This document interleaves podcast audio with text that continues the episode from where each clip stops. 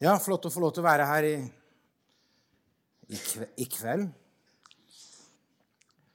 Om noen har sett på klokka, så har ikke jeg begynt å tale enda, Selv om klokka er halv syv etter den.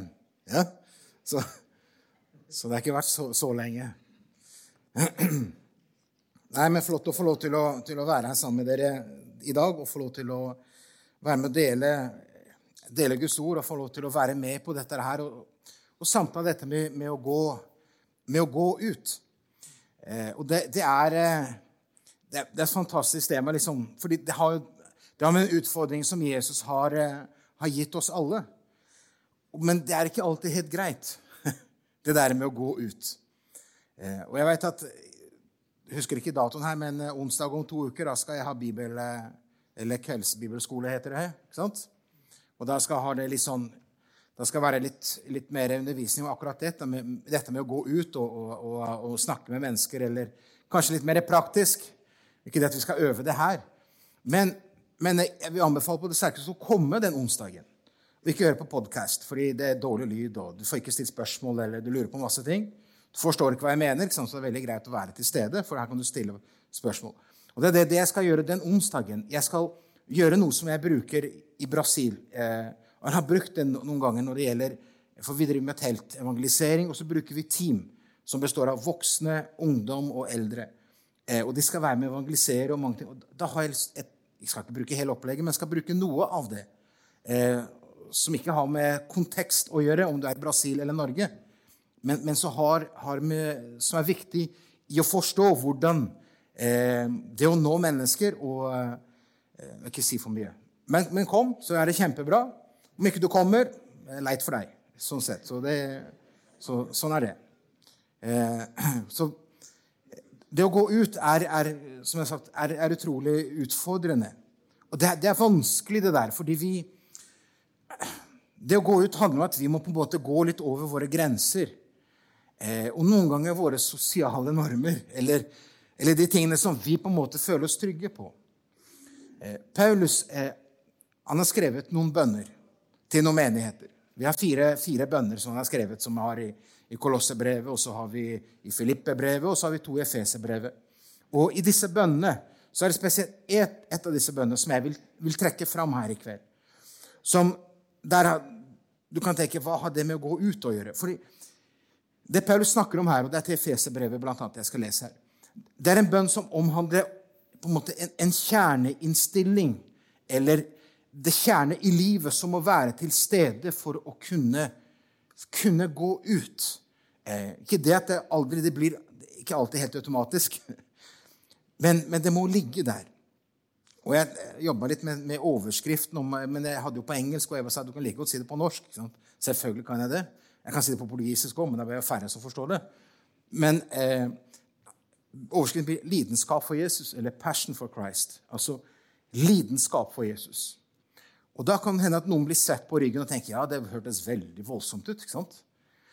Men det er, det er noe av det begrepet som når Paulus ber for menigheten i Efesus, så har han den første bønnen som mange av oss kjenner i Efeserbrevet kapittel 1.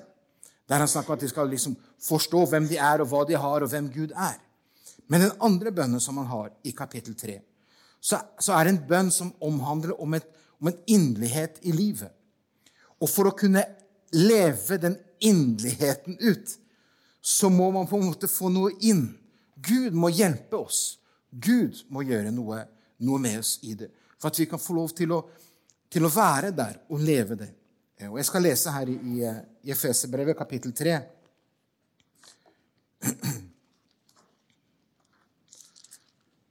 Også fra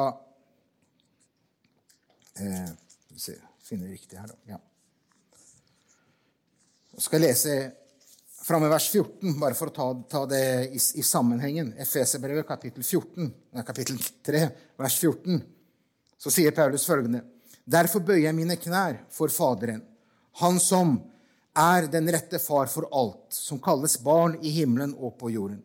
Jeg ber om at Han etter sin herlighetsrikdom, ved sin ånd, må gi dere så styrkes med kraft i det indre mennesket, at Kristus må bo ved troen i deres hjerter for at dere, rotfestet og grunnfestet i kjærlighet, sammen med alle de hellige, kan være i stand til å fatte bredde og lengde, høyde og dybde her er, og at dere må kjenne Kristi kjærlighet, som overgår all kunnskap, så dere kan bli fylt til hele Guds fylde. Og kan det hende noen som sier 'hæ'? Det var veldig mye greier på én bønn. ikke sant? Og Det er sånn litt Paulus' bønner. ikke sant? Han, han, eh, det er jo skrevne bønner, så det er liksom ikke det er jo skrevet. ikke sant? Men det der med at han har jo så mange, mange ting i én bønn. ikke sant? Det er ikke sånn vi ber. ikke sant?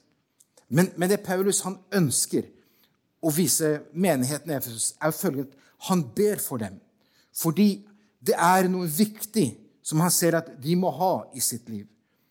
Og der står det liksom, som jeg skal gjenta Og Jeg ber om at han etter sin herlighets rikdom må gi ånden eh, ved sin ånd må gi dere styrkes med kraft i det indre mennesket. Og så neste vers, så istedenfor at det står at, at Kristus, så skulle det heller stått 'så Kristus'. Så, så Paulus ber om en, en kraft i det indre ved Den hellige ånd. Så Kristus må få bolig, eller for å gjøre bolig i vårt. Det er forskjell mellom å bo et sted og at det stedet er boligen din. Når man flytter inn et sted, kjøper et sted eller leier, så bruker man litt tid på å pusse opp og gjøre forskjellige ting, så på en måte huset eller leiligheten ser mer ut sånn som man liker det. Det er det som Paulus snakker om, at, at han ber at Guds kraft må være i, i våre liv og i dem sitt liv, så Herren får lov til å gjøre bolig at boligen og livet vårt bærer preg av at det er Jesus som bor her. Og det er ikke jeg som bor her. Det er ikke jeg som eier dette. Det er han som på en måte eier dette. Og da trenger vi, vi Guds hjelp til for at, at, det skal kunne være virkelig, og at det skal kunne skje i våre liv. Vi trenger Guds kraft til at han skal få lov til å få, få rom og plass i våre liv. Og det trenger vi å gi ham plass til. Men vi trenger også da selvfølgelig å be Herre Herre, fyll mitt liv, Herre. Så, så mitt liv bærer preg av deg, og ikke bærer preg av meg selv. Og så er det da i det, i det andre her som han ber. Fordi den kraften har da disse to Eh, den ene er det å styrke ved ånd, så Kristus kan få forbo og skape bolig i hjertet. Eh, det er det første. Og det andre her at så dere, for at dere rotfestet og grunnfestet i kjærlighet. Så han snakker her om et, om et liv der, der, grunnlaget for mitt liv er Kristi kjærlighet. Her er det kanskje man, man, man kan snakke om Guds kjærlighet. Jeg kan, jeg kan forklare dere, og dere vet så godt. og Man kan liksom begynne å snakke om filio og agapekjærlighet og begynne å gå på gresk. Vi, vi, kan beskrive hva Guds kjærlighet er. Men, men jeg, jeg, kan ikke få dere til å elske Jesus mer. Jesus må gjøre det ved sin ånd. Kjærligheten er det som må bli utøst i våre. Vi trenger hjelp ifra Gud til å kunne elske Jesus enda mer. Fordi vi har det på en måte, Vi tar det for gitt. Vi tar for gitt nåden, vi tar for gitt at Gud er kjærlighet, så Gud elsker meg. Vi tar for gitt at Gud ønsker oss alt det gode, alt vel. Og så, og så blir på en måte alt det sånn at det er jo der. Vi har jo fått det, så, så vi har det livet. Men det å vite her, det å ha den kunnskapen i vårt hode at Gud er kjærlighet, at Gud ga sin sønn for oss, det er noe helt annet enn når på en måte dette får, får lov til å på en måte bryte gjennom våre liv. Og den eneste måten at det får lov til å bryte gjennom våre liv, er at Gud kan få lov til å tale inn i våre hjerter i spesielle situasjoner. Der vi på en måte får lov til å, til å møte oss, oss, selv i døra. ikke sant? Nå er ikke jeg så veldig bygningsmester i noe, noe som helst område. Jeg vil ikke si at jeg holder på med det. Men jeg vet at jo høyere et bygg skal være, jo dypere må, må grunnmuren være. Som Paulus snakker om at grunnfestet, så er det det at grunnmuren i livet må være en kjærlighet til Jesus. Som ikke er basert på at dere skal elske Jesus, men det er basert på at jeg elsker Jesus på grunn av noe. Og da har vi mange eksempler i Bibelen på det. Vi har eksempler på kvinnen som, som kom inn i, i fariseeren Simons eh, hus der, og så bøyer hun seg ned for Jesus, og så begynner hun å vaske Jesus sine føtter. Også den som kjenner denne beretningen, vet jo veldig godt at hvordan reaksjonen er for alle de andre. at ja, Hvis Jesus virkelig var en profet, så vil han vite at dette er en synderinne, en prostituert som står der og griner ved Jesu føtter og, og vasker hans føtter med sitt hår og kysser hans sine føtter. Altså, Hvem er dette her? Og Jesus kommer da med lignelsene og forteller om, om, om, snakker om, om, tilgivelse. Men i avslutningen av hele denne hendelsen så sier Jesus ja, ser du denne kvinnen, Simon? Ja, Så forklarer Jesus alt det som Simon ikke har gjort. Simon har ikke tatt imot Jesus eh, som, som, en burde gjøre som en jøde. ikke sant? I det å få lov til å vaske hendene, i det å få måte bli, bli tatt imot eh, Vaske beina, beklager. Men det denne kvinnen gjør, hun bryter alle sine grenser og barrierer og normer. Hun på en måte, hun på en måte stiller seg eh, på en måte, eh, Eller blottlegger sitt liv. Fordi hun kunne godt ha blitt steinet etter denne hendelsen. For siden hun var en synderinne av det hun gjorde. Men hun på en måte blottlegger sitt liv. Hun gjør alt bare for å vise takknemlighet til Jesus. Og det er hva er det som driver et menneske til å bryte grenser og barrierer og fordommer og kulturelle ting? Det er eneste der, det er fordi man er berørt av Jesu kjærlighet. Og da sier Jesus, og så ser han da på denne på denne kvinnen. Og så sier han det sånn i Lukas kapittel 4, eh, kapittel 7 og vers, vers 47, der han peker på denne kvinnen og sier da følgende til, til Simon, der, der, de sitter i, i, hans hus, der alle sammen. Lukas kapittel 7, også vers, vers 47 eller 46. Så sier Jesus, du salvet, sier han til Simon, du salvet ikke mitt hode med olje, men hun salvet føttene mine eh, med salve. Derfor sier jeg henne, hennes mange synder er henne forlatt. Derfor elsker hun meget. Men den som lite er tilgitt, elsker lite. Og han sa til henne, dine synder er deg forlatt. Det å få lov til å oppleve Jesu tilgivelse, det å få lov til å oppleve Jesu nåde, det, det er det som gjør at, at man på en måte blir så ydmyk av takknemlighet at en ønsker å gi uttrykk for det. Man på en måte ønsker å vise det til andre. Denne lidenskap for Jesus som denne kvinnen har, er jo ikke fordi det, det burde hun gjøre. Men det er, det er, bare fordi hun har møtt Jesus. Og, og det, denne nåden, denne kjærligheten det er liksom ikke, Du opplever ikke det bare én gang i livet i det øyeblikket du tar imot Jesus Kristus. og liksom, da er du der. ikke Sant? Men det er noe som vi trenger konstant i våre liv. Og derfor ber Paulus om en kraft. At Den hellige ånd får lov til å på en måte er den som berører våre liv. Som gjør at vi trenger på en måte å, å møte oss selv i døra og liksom si at ja, jeg lever for meg sjøl. Jeg gjør som jeg vil. Og så ber jeg Gud skal komme og velsigne meg. ikke sant? Så ber jeg Gud skal gjøre det eller det. ikke sant? Istedenfor at, at jeg ser at Herre, jeg vet at jeg er skapt på ny og ny skapt, men Herre, jeg er ikke verdig din nåde og din kjærlighet. Jeg har ikke vært tro i det, og jeg har ikke vært tro i det. ikke sant? Jeg skulle så gjerne ha vært mer, mer frimodig i det eller det. ikke sant? Og så er det noen ganger så, så, faller man, og så gjør man ting som i synd. altså. Man, man gjør ting som man ikke burde, og, og sier man ikke burde. Og så sårer man mennesker man ikke ville såre. Og så lyver der man ikke burde lyve. ikke? Og så så begynner disse tingene å komme. Og, og det er i de øyeblikkene, og da blir møtt av Guds nåde og Guds tilgivelse, gjør at på en måte det blomstrer opp på nytt. At, at Jesus er jo ikke glad i deg fordi du fikser og klarer å være en kristen.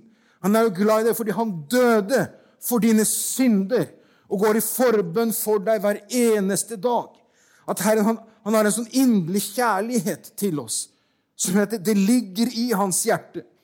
Og her kan jeg bare snakke meg grønn og blå og rød. ikke sant? Altså, kan en prøve å forklare det, men det er Den hellige ånd som noen ganger må gjøre det i våre liv. Han må på en måte få oss til å noen ganger møte oss selv i døra og si at ja, ja, jeg har vært kristen i så mange år, men jeg klarer ikke å be begeistre for Jesus lenger. Jesus er bare blitt en sånn greie som jeg har med. ikke sant? Nå er det søndag, så nå drar jeg på møte. Og så har man på en måte ikke, ikke noe annen forventning enn det. Så Derfor er det det der med, med å få lov å la, la, Jesus få lov til å tale til våre hjerter og si Jesus, Jesus, jeg trenger, Herre, at du på en måte snakker til meg, Herre. Herre, jeg trenger at du åpner mitt hjerte, Herre Jesus. At jeg kan bli berørt av din ånd, Herre Jesus. Slik at du kan få lov til å, til å på en måte knuse mitt liv og mitt hjerte. Herre, fordi jeg trenger deg. Denne kvinnen hun blir berørt av Jesus i nåde. Som en annen kvinne, samaritanske kvinnen, som står der ved brønnen og skal bare hente vann. Og Jesus hadde gjort denne avtalen om å møte henne der. Altså avtale den guddommelige inngrepet. Og hennes møte med Jesus gjorde at hun, en kvinne som var skamfull og i samfunnet, som hentet vann midt på dagen for ikke å møte andre, gikk derifra og lot krukken ligge igjen. Og så løper hun inn i byen og begynner å fortelle mennesker jeg har møtt Frelseren. Sant? Jeg har møtt Messias. Sant? Han har fortalt om livet mitt. Kom og hør, kom og se hvem han er. Den, denne begeistringen fikk hun ikke over sitt liv fordi hun på en måte hadde blitt overbevist i sine tanker. Men hun har fått møtt av en nådig Jesus. Og det er noen ganger at denne nåden for oss noen ganger så ligger den den ligger så, sånn der at vi, trenger den kanskje, men, men den ligger ikke her. Noen ganger så gjør vi nåden til noe som en bekjennelse, en trosbekjennelse. Men det er liksom ikke at jeg trenger virkelig Guds nåde for å kunne få lov til å være på møte, for å få lov til å vitne om Jesus, for å få lov til å elske Han. Jeg tenker å se at denne nåden trenger jeg hver eneste dag. Og som den kvinnen som da møter Jesus på denne måten, og da på en måte vandrer ut rundt omkring i byen og forteller om Jesus, er drevet av en lidenskap for Jesus ja, det er jo greit det, å gjøre når du er nyfrelsk, sånn, fordi det er du som på en måte kommet ifra det gamle til det, det nye. Du, kontrasten i livet er jo plutselig der. Men, men det, er, det, er, jo annerledes med meg som har vært kristen i så mange år og på en måte opplevd så mye og sett så mye. Og så sier det Paulus i, i 2. Korinterne kapittel, kapittel 5, også vers, eh, vers 14 eller, eller, 17, hvis jeg ikke tar, tar helt feil der, der han snakker om litt grann det motivet i eller kapittel 5 og vers, vers 14 i 2. Korinterbrev, der han snakker litt om motivet som driver. For han, i, det, I det kapittelet så snakker han at vi, vi er kalt til en, til tjeneste, eh, en tjeneste som, eh, som, har forlikelsens tjeneste å gjøre. Eh, der vi på en måte skal bringe budskapet til mennesker. Og så sier han Kristi kjærlighet tvinger oss. Ja. Han, han, bruker veldig sterke ord når han snakker om Paulus sine motiver for at han er villig til å la seg bli fengslet, til å villig la all karriere ligge til side. Det er det med å gå ut. Han, men en lidenskap av Jesus er så fantastisk for meg at jeg ønsker å dele det med mennesker. At man på en måte får et nytt verdensbilde. Forståelse av hva som er, hva vi lever her for. ikke sant? Det liksom ikke handler om karrieren og ukedagene bare, men det handler om så mye mer. Og som vi, vi trenger at Gud kan få lov til å åpenbare og vise oss det. Vi trenger Guds nåde og hjelp til å kunne elske ham til og med. Og det, det gjør oss ydmyke, i hvert meg. Tenk at Jeg klarer ikke å elske Jesus slik jeg burde elsket ham. Og Gud må med sin nåde få lov til å bringe meg der hver eneste gang. Og det gjør noen ganger at, at, at noen ganger så må man på en måte inn på kne innenfor Gud alene, og så gråter man og så sier Herre, Herre til at jeg er, så, jeg er så opptatt av meg selv og mitt liv og hva jeg vil og hva jeg ønsker og hva jeg tenker. Og så, så ligger ikke lidenskapen for deg i takknemlighet. Jeg har et nytt liv. Han har tilgitt all min synd, all min skyld, all min skam ble lagt på han. Jeg, har, jeg er arving til et nytt rike. Mitt liv handler mye mer enn det midlertidige her. Her er vi bare på gjennomreise. Vi har et sted som Herren har gått forut for å forberede for oss. Her er vi noen år. Og jeg si å bo og bo og være her i 10, 15, 20, 30, 40 eller 100 år. Så er det bare midlertidig. Til å få det perspektivet at mitt liv er ikke bare her. Det er en evighet jeg er kalt inn i. Men mitt liv her, det har et mål, det har en mening. Og det er et, et liv til å prise Gud og ære Gud. Og få lov til å være et vitne for ham. Og nå mener ikke jeg det at du skal liksom på en måte være helt gæren i hodet. Nå skal du liksom på en måte være helt crazy nede i byen og gjøre masse, masse ting. Men det handler om en lidenskap. En del tiår seinere Nå leste vi her Paulus sin bønn for menigheten i Efesus. Han ber sant, at de må være grunnfestet og rotfestet i, i kjærlighet. Eh, han sier også videre i den, i den bønnen her på, på, slutten her, så dere kan få kjenne Kristi kjærlighet, som overgår all kunnskap, som overgår all vår forstand, som overgår all vår, vår forståelse av hva kjærlighet er. For vår forståelse av kjærlighet er at du elsker så lenge det gir deg noe. Hvis ikke det gir deg noe mer, hvis ikke det ekteskapet gir deg noe mer, hvis ikke det livet der gir deg noe mer, så bare bryter man. Altså, det menneskelige kjærlighet er veldig selvsentrert. Jeg elsker så lenge det gir meg noe. Mens Gud, han elsker deg bare nåde. Uansett. Det handler ikke om hvor mye han får igjen. Det handler om alt det han gir. Og Paulus snakker om dette med kjærligheten, at det må være fundamentet for menigheten i Efesus. Og så mange tiår seinere skrives det et nytt brev, skrevet av Jesus gjennom Johannes. Johannes' åpenbaring, kapittel 2. Så skriver da Herren et, et, budskap til menig Hefesus. Efesus. Han Først skryter Herren av alt det de har vært flinke til og dyktige til, og alt det de kan, og alt det de ikke eh, på en måte slipper inn i sin menighet. sånn sett. Men én ett har jeg imot deg, ikke sant? sier Jesus til menigheten i Efesus at du har forlatt den første kjærlighet. Du har forlatt grunnlaget. Menighetslivet har bare blitt alt det jeg kan, alt det jeg klarer, alt det jeg vet, alt det vi organiserer, alt det vi kjemper imot. Men det er ikke lenger herifra, innifra og ut.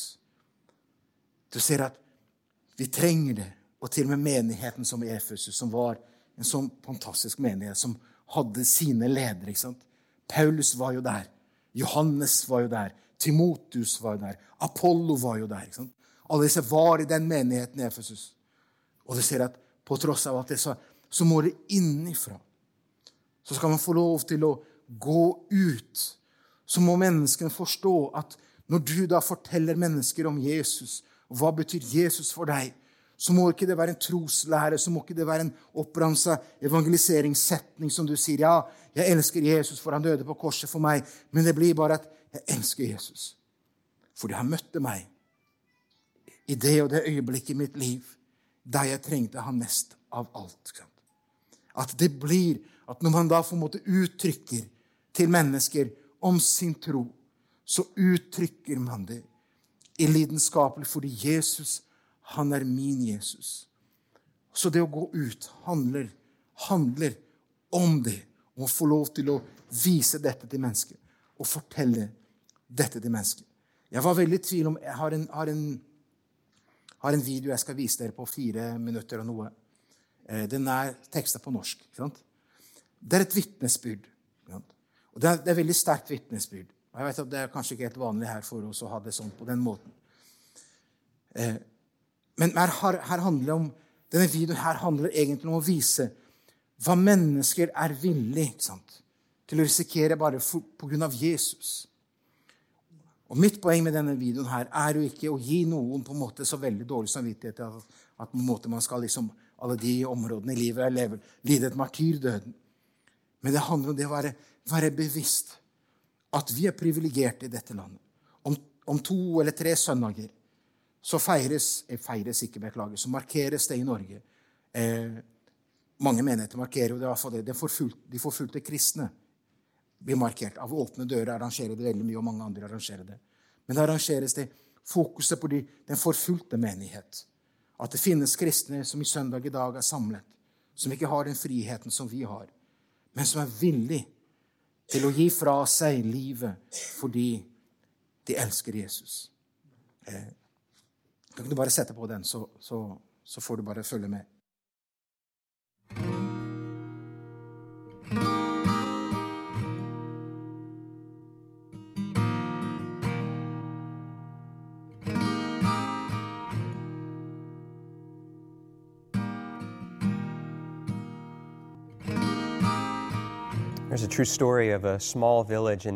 Dette er en sann historie fra en liten landsby i India. Og i denne landsbyen så var det en familie som hadde begynt å tro på Jesus Kristus som sin frelser og herre.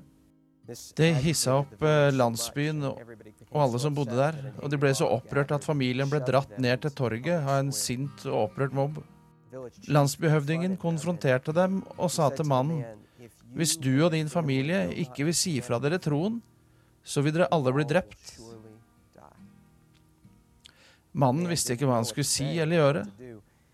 Det eneste han kom på, var ordene i en sang som han hadde skrevet da han overga livet sitt til Gud. Så han begynte å synge. Jeg har bestemt meg for å følge Jesus. Det er ingen vei tilbake. Det er ingen vei tilbake. Og mens han sang det, så ble barna hans drept. I have decided to follow Jesus. I have decided to follow Jesus. I have decided to follow Jesus.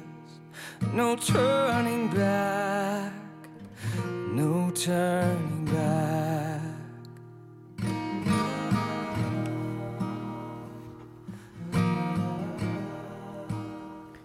Han fikk en ny sjanse. Denne gangen så var det livet til kona de trua. Likevel så fortsatte han å synge. Selv om ingen går med meg, så vil jeg følge. Det er ingen vei tilbake. Ingen vei tilbake.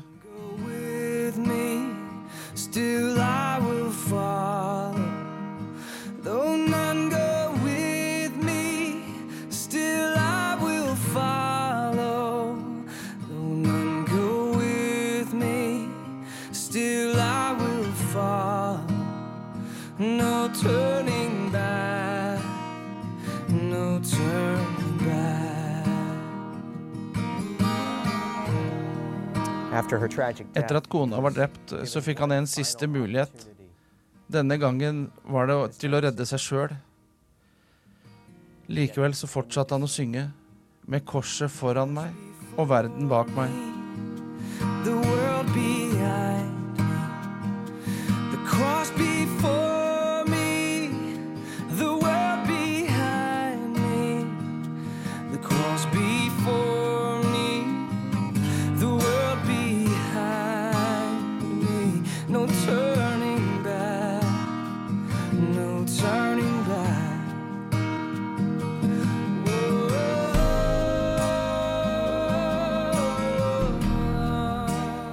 Selv om mannen og familien hans ble drept den dagen, så skjedde det noe bemerkelsesverdig. Et frø ble planta i hjertet til landsbyhøvdingen. Et frø som begynte å spire og gro. Etter en tid kalte han sammen innbyggerne i landsbyen på det samme torvet som de hadde drept mannen og familien hans. Og der ga han avkall på sin tidligere tro og erklærte sin lojalitet til Jesus Kristus. I samme øyeblikk brøt feiringa løs, og evangeliet begynte å spre seg og vokse i landsbyen. Ikke bare i denne landsbyen, men i hele regionen. Det skjedde fordi de hadde sett ekte tro og blitt kjent med Guds sanne karakter. Det skjedde av en familie som trodde på selvoppofrelse, til og med når de ble trua på livet.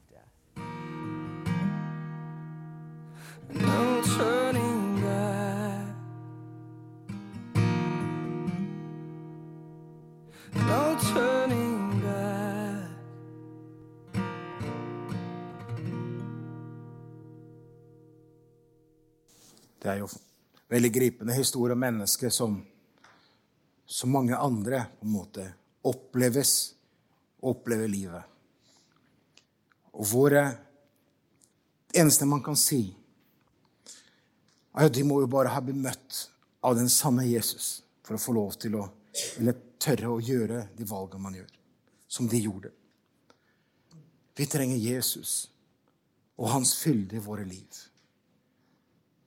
Vi trenger Jesus i vårt indre og et lidenskap for Jesus. For at vi skal få lov til å være vitner der vi er. Som lys og salt. Vi trenger at Guds kraft fyller våre hjerter, så vi kan begynne å forstå litt mer og mer om hva det vil si å være elsket av Gud. Så ikke vi tar det for gitt å være elsket. Så ikke vi tar nåden for gitt. Men at man ser at det er noe som jeg, jeg har i mitt liv, for det er min frelser. Det er min Herre. Og jeg kan lovprise og ære Hans navn. Åssen har du det med Gud? Hva har livet ditt dreid seg mest om? Har du lidenskap for Jesus? Eller er det bare at det er greit? ikke sant? Det er veldig vanskelig å forkynne og fortelle andre mennesker om Jesus når Jesus er bare greit. Men det er bare liksom Ja, jeg er en kristen, sant? Og ikke det ligger der. At Herre, la brannen være i mitt hjerte. En lidenskap for deg, Jesus. Så jeg, så jeg er Herre, selv om det koster meg mye, å bryte grenser og barrierer i mitt liv og personlighet til å bringe deg til mennesker som jeg har rundt meg. Så mennesker kan få lov til å se at grunnen til at jeg elsker Jesus, er jo fordi han er min Jesus. For i det øyeblikket Så i det øyeblikket du er kristen, eller at man er misjonær eller pastor eller noe sånt, eller predikant fordi man, med, fordi man er medlem i en kristen menighet, og man er kristen fordi man er, er en aktiv tjeneste, så faller alt sammen. Jeg må være, jeg må være en kristen, og jeg må være en misjonær. For jeg elsker ham. Han er min Jesus. Han er min frelser, min personlige herre. Jeg ja, Geir Standag satt. Jeg trenger han. Jeg trenger han i mitt liv. Jeg trenger han for at jeg skal kunne tørre å gå over mine begrensninger og mine greier i mitt liv. Og tørre å snakke med naboer og snakke med mennesker i et riktig øyeblikk om at jeg elsker Jesus, og hvorfor jeg gjør det, når mennesker spør om det. Jeg trenger en lidenskap for Jesus. Og jeg tror vi alle trenger det her. I Drammens by, der vi bor, eller Hokksund, eller, eller, eller Nedre Eiker, eller hvor den er. Vi trenger mer lidenskap. Og det kan vi ikke lese oss til. Det kan vi ikke studere oss til. Det må vi oppleve. Og for å oppleve det, så må noen gang Gud møte oss der vi er, og konfrontere oss med livet vårt, hvordan det har blitt. For at vi kan få lov igjen til å si, akkurat som Peter Og Jesus spør, 'Peter, elsker du meg?' Og han sier, 'Ja, Herre, du vet, jeg elsker deg'. Jeg feilet når det, mest, når det gjaldt mest. Men Jesus, du vet, jeg elsker deg. Så får han til gjensvar, 'Ja, Peter, fø og led mine lam og vokt mine får'.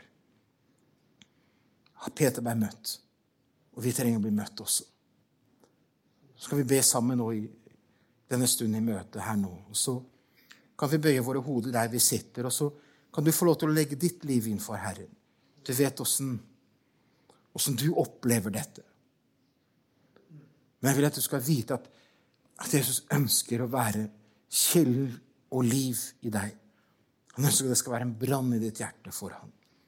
Herre Jesus, vi, vi står innenfor deg, Herre. Og jeg vet, Jesus, at når vi, når vi er innenfor deg, så, så kan ikke vi stå med masker og med religiøsitet og prøve å være noe som vi ikke er, Herre. Fordi du ser rett igjennom, Herre, våre liv.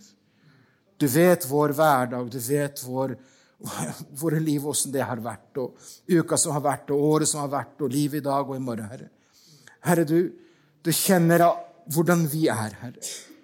Du vet om våre feil. Du vet om våre mangler, Herre. Du vet at de gangene, Herre, som vi istedenfor å, for å gå, Herre, så har vi holdt igjen, Herre. Herre Jesus, du, du kjenner oss. Og Herre Jesus, i, og i den tilstanden som vi er, Herre, så gjør vi, Herre Jesus, noe nå i denne stunden, Herre, med full frimodighet, Herre. Så stiller vi oss inn for deg, Herre, og ber Jesus. Jesus må lidenskap og kjærlighet vokse inn i våre hjerter på nytt igjen, Herre. Må jeg få lov til å se nåden på nytt igjen, Herre. At ikke jeg er kristen fordi jeg gjør noe eller har en tittel eller er et eller annet eller står som medlem eller har vært det mange år. Men jeg er en kristen fordi jeg elsker deg, Jesus. Herre Jesus, må din nåde få lov til å bryte fram som en levende kilde i vårt indre. Hellige Ånd, vi ber at du skal åpenbare Jesus i våre hjerter. I den enkelte sitt liv, Herre. Så når vi går ut, vil si når vi er ute i vår hverdag, i vårt liv, Herre, så er det ikke, er det ikke med masse bare våre greier, Herre.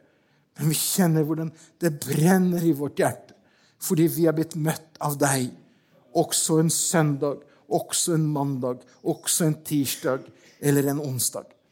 Herre, da vi på en måte kjenner det er noe friskt noe. Det bør ikke å leve på det som var for mange år siden, men det er noe friskt noe, Herre. Derfor legger jeg Jesus Kristus, denne menigheten og den enkelte som er her nå, vi er som er her nå i kveld, Herre, innenfor deg, Jesus. Så kan det bli, Herre, jeg har bestemt meg å følge Jesus. Det er ingen vei tilbake, Herre. Det er ingen vei tilbake. Herre, jeg vil at du skal være alt. Og jeg trenger deg, Jesus, for at jeg skal kunne fullføre dette løpet. At du fyller mitt hjerte, Herre. Jesus, vi priser og ærer ditt navn. I Jesu navn. I Jesu navn, Herre. Halleluja, Jesus. Halleluja. Jesus. Jesus. Jesus.